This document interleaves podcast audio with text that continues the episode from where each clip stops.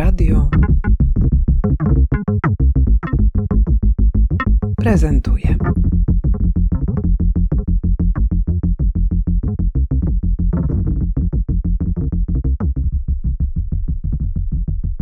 Cześć, nazywam się Karol Grygoruk i jestem fotografem, dokumentalistą, ale chyba też aktywistą, chyba też wiele różnych innych rzeczy i chyba już przestałem się zastanawiać, kim jestem. Nie, chyba nie potrzebuję już tego się określać. Jesteś y, jedną z tych osób, które od wielu lat swoją pracą pokazują nam, jak wygląda naprawdę sytuacja związana z kryzysem migracyjnym. Jest to rzecz, której jesteśmy świadkami w Europie od wielu lat. Napływają uchodźcy z różnych kontynentów, zwłaszcza z tych miejsc, w których trwają konflikty zbrojne.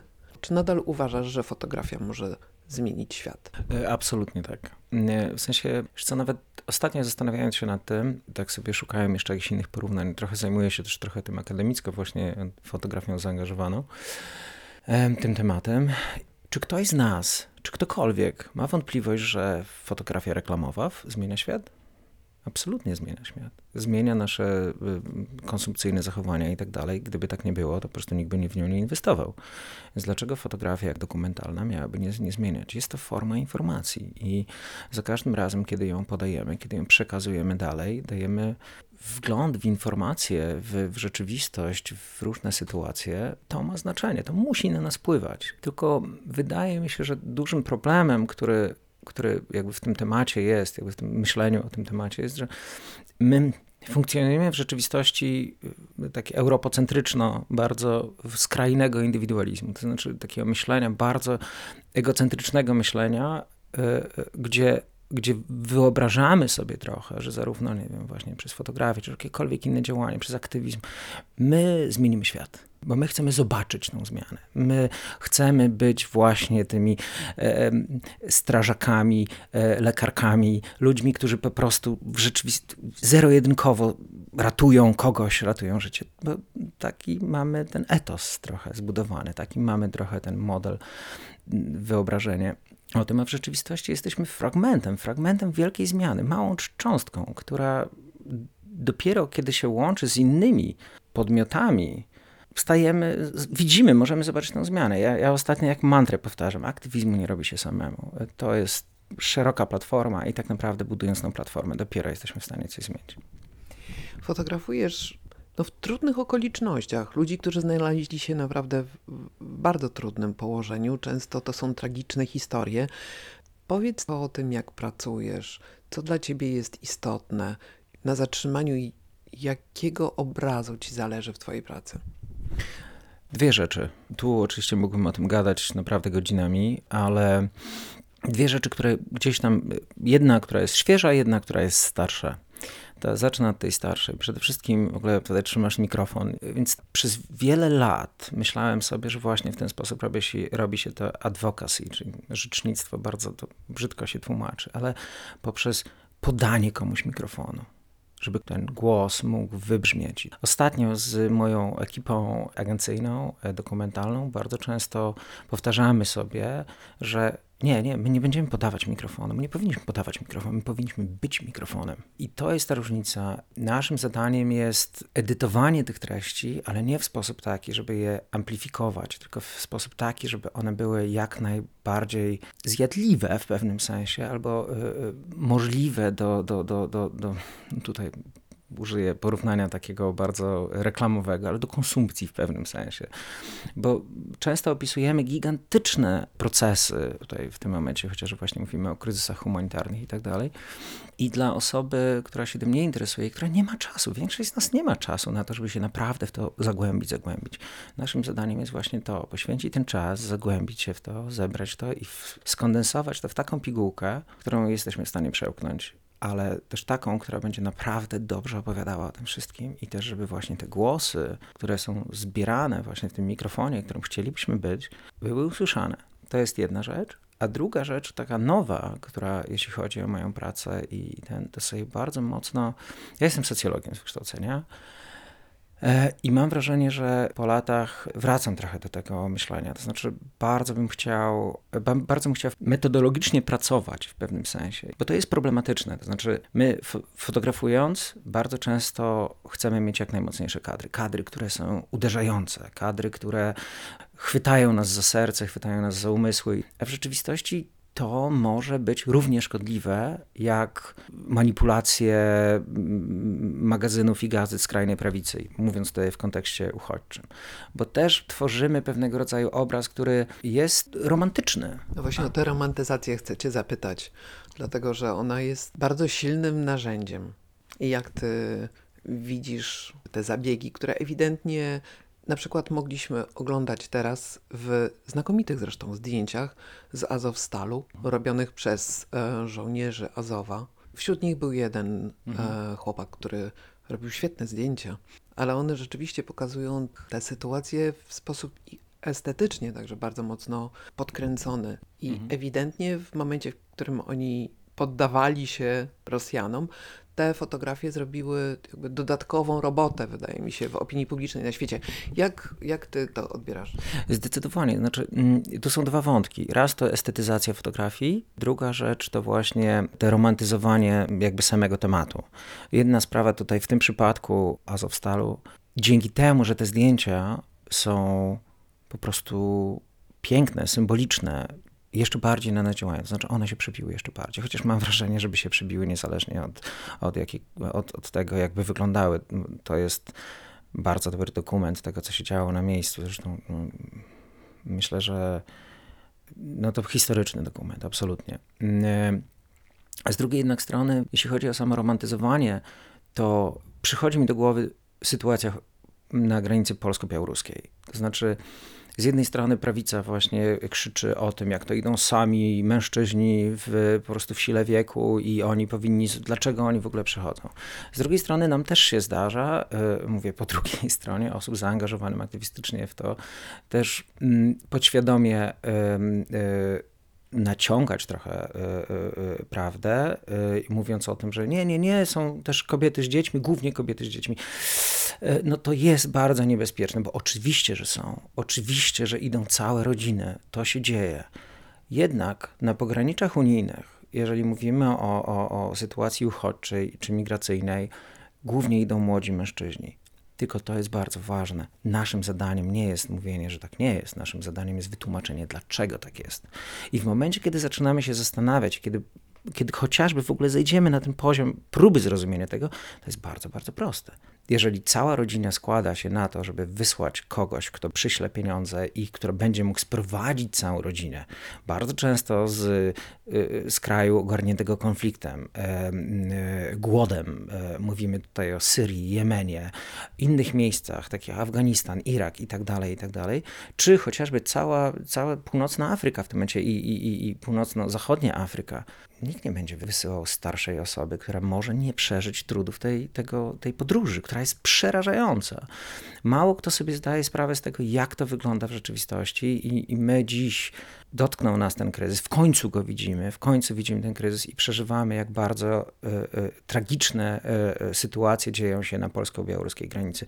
A to jest najbezpieczniejsza granica Unii Europejskiej. Na w tej chwili, na razie, ja wiem, jak to strasznie zabrzmi, ale zginęło tylko kilkanaście, kilkadziesiąt osób. Tylko. Mówimy o wielu miesiącach. Nie? Oczywiście nie wiemy tak naprawdę, ile, ile osób, e, ile ciał leży w tych bagnach Podlasia i najprawdopodobniej jest ich zdecydowanie więcej. Ale porównywalnie do innych szlaków migracyjnych, gdzie łodzie po 120 osób potrafią znikać na oceanie, mm, to jest ten. Ale ważne, to jest właśnie to o to chodzi. My, naszym zadaniem jest tłumaczenie tego i też oczywiście chcielibyśmy jak najlepiej o tym opowiadać, też jak, jak najpełniej, ale bardzo łatwo jest skręcić w tą, w tą stronę właśnie tego romantyzowania, która może na samym początku nam pomóc, ale ostatecznie może nam zaszkodzić, bo jest obusiecznym mieczem. Do kwietnia można było w Staromiejskim Domu Kultury w Warszawie oglądać Twoją wystawę Pogranicza, na której zestawiałeś fotografie obu granic. Mhm. I teraz chcę Cię zapytać o wątek, który pojawił się w opisie tej wystawy i który wydaje mi się również bardzo ważny. To cytat z Judith Butler. Oto chwilowe oburzenie. W dzisiejszym świecie, w którym wszystko tak strasznie pędzi, o czym sam powiedziałeś, że utrzymanie uwagi jest najtrudniejszym zadaniem. Jak uniknąć tej pułapki chwilowego przytrzymania uwagi tylko na chwilę, ale bez konsekwencji, bez tej pracy, o której mówisz, że fotografia powinna wykonywać długotrwale zostawiać ślad w życiu społecznym. Ten cytat mnie bardzo uderzył. Ja go, ja go wiem, chyba ze dwa lata temu jakoś znalazłem w, jednym, w jednej z publikacji, ale on się wiąże z, z, z pewną konkretną historią. E, to znaczy, na pewno pamiętasz dokładnie zdjęcie Alana Kurdiego, chłopca w czerwonej koszulce, jego ciała leżącego twarzą do, do ziemi na plaży jednej z greckich wysp. Po tym zdjęciu, po publikacji tego zdjęcia, oczywiście była masa mm, badań mediowych dotyczących wpływu właśnie tego zdjęcia, bo oczywiście wystrzelił, temat wystrzelił. I wszyscy się cieszyli. Wszyscy się cieszyli, że strasznie to brzmi, ale wszyscy się cieszyli, że to zdjęcie y, y, znowu pobudziło nas, pobudziło nas do myślenia, sprawiło ten. Paradoksalnie zwróciło się odwrotnie.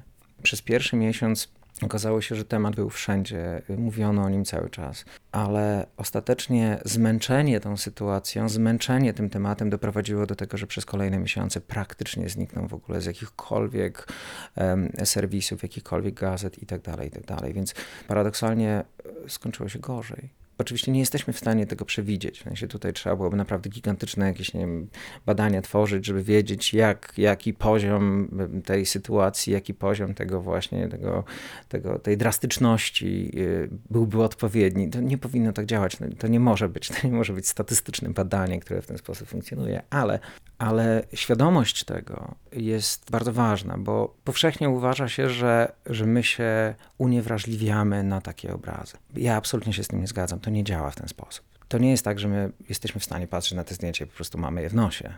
To jest ten sposób, że my podświadomie, jako ludzie, jako osoby emocjonalne, nie jesteśmy w stanie przyjmować więcej takich zdjęć i w momencie, kiedy one się pojawiają, po prostu unikamy ich wzrokiem, przewijemy szybciej, nie chcemy wchodzić. Ja sam to widzę po sobie. W momencie, kiedy jestem przemęczony, w momencie, kiedy bardzo dużo nim pracowałem, przyjeżdżam z konkretnego wyjazdu, gdzie emocjonalnie czuję się wyczerpany, nie jestem w stanie czytać kolejnego artykułu, mimo tego, że jest, robię to jakby zawodowo, ale po prostu unikam tego tematu. I my też to podświadomie robimy, po prostu mamy dosyć, nie jesteśmy w stanie przyjąć więcej zła. Więc Teraz pytanie, jak przekazywać tę informację, sprawić, że te głosy były usłyszane. To jest bardzo, bardzo trudny temat i wydaje mi się, że nie do rozwiązania e, jest to, ale, ale bardziej chodzi o to, trochę jak z zasadami etyki, że nie chodzi o to, żebyśmy wiedzieli, jak mamy się zachowywać wiedzieli, co zrobić. Chodzi bardziej o to, żebyśmy cały czas mieli świadomość tego, że to, to jest skomplikowane, to jest trudne i musimy brać to pod uwagę.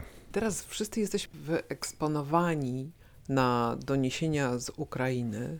Te informacje, one także są przekazywane dzisiaj we wszystkich możliwych formatach mediów społecznościowych. Na TikToku, Facebooku, Instagramie, we wszystkich możliwych mediach, które są dostępne dzisiaj człowiekowi.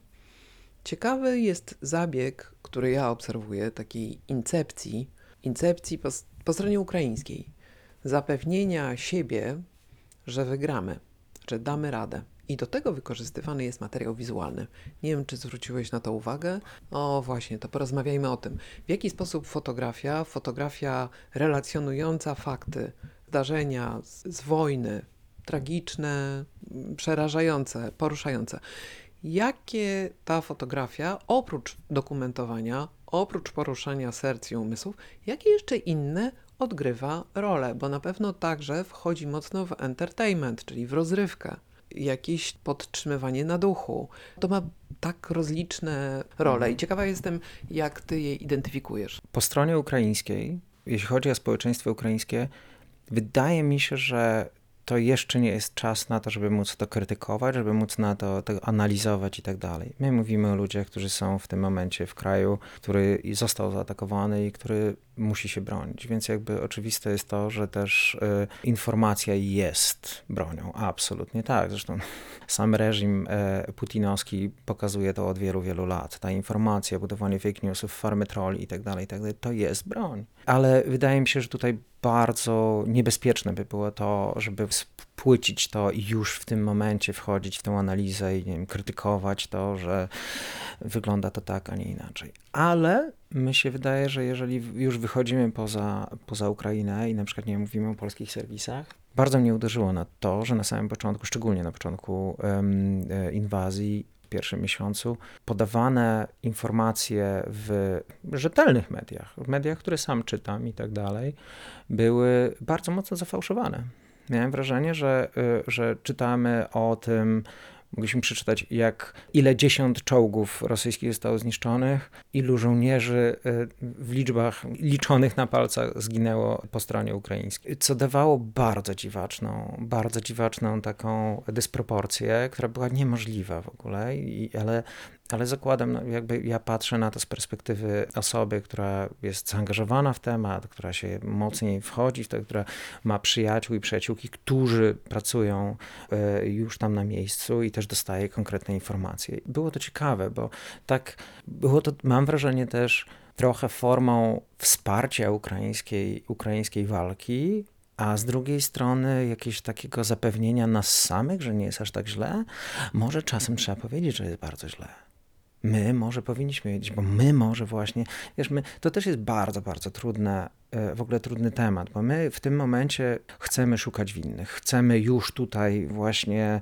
e, wprowadzać sankcje, e, kancelować kulturę rosyjską rosyjską i tak dalej, i tak dalej. Co, jest, co ma sens, oczywiście, że ma sens, jak najbardziej, ale z drugiej strony też, kiedy tak bardzo wchodzimy w tą, tą sytuację szukania tego wroga i, i, i, i, i takich uproszczeń tak naprawdę, zapominamy o tym, że my też jesteśmy za to odpowiedzialni.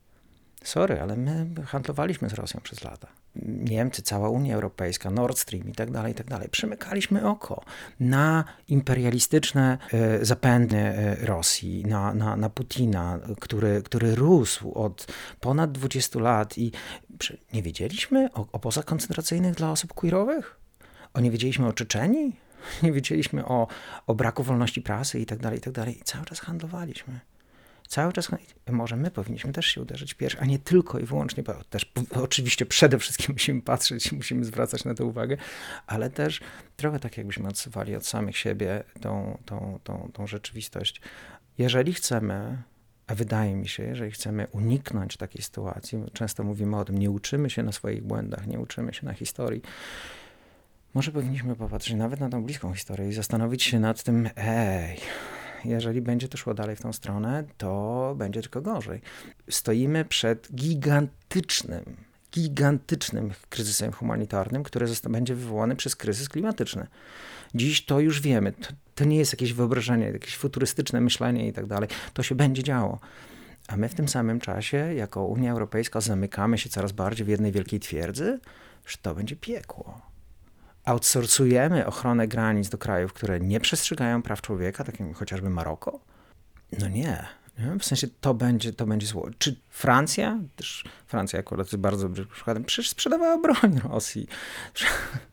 Come on jakby musimy zacząć też na to zwracać uwagę. Oczywiście absolutnie sankcje są potrzebne. E, też musimy bardzo mocno zwrócić uwagę na to, w jaki sposób kultura rosyjska budowała tą, to nacjonalistyczne przekonanie. Karol, na koniec naszej rozmowy wróćmy do fotografii, dobrze? A właściwie nawet nie do fotografii, tylko do roli fotografów i fotografek w tak trudnych czasach. Dlatego, że rzeczywiście wtedy, kiedy przychodzi taki kryzys, tak mocno widoczny jak otwarty konflikt zbrojny, wasza rola z całą mocą się uwidacznia. To dzięki zdjęciom możemy poznać jakiś fragment rzeczywistości. Już ustaliliśmy, że jakiś fragment prawdy o tym, co się dzieje. Czy ta fotografia w takim bardzo klasycznym ujęciu bierze na siebie tę odpowiedzialność za przedstawianie prawdy? Jak oceniasz to młode, nowe pokolenie fotografów, takich jak ty, którzy pojawili się w ostatnim czasie na scenie dokumentowania rzeczywistości. Jak oceniasz możliwości, swoje własne możliwości tej transmisji ze świata wartości, które są super ważne, o tym powiedziałeś, które są gdzieś tam fundamentem waszego zawodu, do skutków, jakie rezultatów, jakie możecie osiągnąć. Wiesz co, to bardzo dużo różnych wątków, ale przede wszystkim bardzo fajnie zostać usłyszane, że jestem nadal młodym fotografem. ale ja jestem zachwycony tym, co się zaczyna dziać. To znaczy, w jaki sposób zaczyna myśleć te, te młodsze pokolenie, czy i, I, cały czas myślę sobie o tym, gdzie ja mogę włożyć y, ręce, żeby móc wesprzeć te osoby i wyciągnąć, nie wiem, jakkolwiek. Ale pierwsza sprawa to jest to, że w ogóle zmienił się, zmieniło się myślenie. To znaczy, wiesz, fotografia, współczesna fotografia ma to do siebie, że ona tak naprawdę w ostatnich 10 latach zrobiła większego fikołka niż do 10 lat temu. I tak naprawdę zmienia się tak szybko.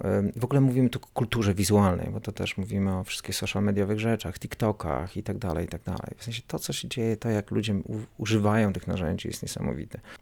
Też mam wrażenie, że młodzi ludzie, kiedyś było taki, takie myślenie, ten taki dziwaczny trochę paradygmat tego obiektywnego dziennikarstwa, które nie, wydaje mi się, nie ma sensu rozmawiać obiektywne, subiektywne, bo to chyba ten temat już trochę możemy odłożyć do szuflady, ale mam wrażenie często mylonego z, z, z etycznym zachowaniem, czy odpowiedzialnością, bo my zawsze jesteśmy subiektywni, ale tą odpowiedzialnością. Ja mam w ogóle trochę takie wrażenie, że też, że i ostatnio sobie cały czas też to powtarzam, że stare pokolenie tak mocno zawsze stawało w obronie wolności prasy, prawda? Ale wolność prasy, która jest częścią bardzo dużego katalogu praw człowieka, to, a prawa człowieka to nie jest tort. To nie jest tort, gdzie bierzemy sobie, wycinamy kawałek, bo akurat tyle nam smakuje i tyle będziemy potrzebowali, więc wolna prasa. Nie, to wszystko się łączy ze sobą. Nie mamy wolności prasy bez praw człowieka, prawda? Bez, bez, bez tego, więc my musimy, musimy zwrócić na to uwagę i to młode pokolenie to robi. To młode pokolenie już się tego nie boi. To młode pokolenie staje konkretnie w obronie własnych wartości. Może dlatego, że, że wie, że zaczyna to po prostu czuć że ej, będzie źle, idzie w bardzo złym kierunku. Z drugiej strony bardzo łatwo się znęcać w tym momencie tak nad starym pokoleniem e, e, dziennikarzy i dziennikarek i tak dalej. Absolutnie nie, to jest bardzo ważne. To, co mamy, zawdzięczamy im. Zawdzięczamy tym wszystkim ludziom, którzy budowali te fundamenty. Dziś jesteśmy tu, bo dzięki nim. I łatwo bardzo jest o tym mówić w momencie, kiedy, wiesz, no my w ostatnich latach przeżywamy e, rewolucję feministyczną na sterydach, rewolucję seksualną na sterydach. Sensie to jest, to wszystko, ten dostęp do tych informacji, też to jak my to przeżywamy i jak to wchłaniamy tak naprawdę, bardzo mocno nas buduje. Czy też w ogóle zrozumienie własnego przywileju. To są ostatnie czasy. To, jest, to są ostatnie lata tak naprawdę i wierzę w to, mimo tego, że mam wrażenie ostatnio, że idziemy naprawdę na czołowe zderzenie z ciemnością. Kiedy patrzę, kiedy tu dziś widzę, jak młode pokolenie myśli, jak się zachowuje i co chce sobą reprezentować, gdzieś promyk optymizmu. Jednak. Trochę. Dobrze. W takim razie bardzo Ci dziękuję za spotkanie, bardzo Ci dziękuję za rozmowę. Wszystkich zapraszam do obejrzenia internetowej wersji dwóch raportów, które zamieściliśmy w numerze majowo-czerwcowym o dwóch granicach polsko-białoruskiej i polsko-ukraińskiej. E, bardzo dziękuję za to, że się zgodziłeś, żeby ta wersja internetowa była zilustrowana Twoimi zdjęciami z granicy. Ja bardzo dziękuję za to, że mogłem je pokazać. No i co? Czego się życzy takiemu fotografowi jak Ty? Chciałem powiedzieć spokoju, ale... E, mm, nie, chyba, chyba żeby było od czasu do czasu, od czasu do czasu dni spokoju są fajne. Żeby, o, żeby nie było kolejnego kryzysu, bo na razie mamy ich tak dużo, że może zajmijmy się tymi, które już są, żeby się nie pojawił żaden nowy, a to by było fajne. Tego sobie życzmy w takim razie. Dzięki wielkie. Dziękuję bardzo.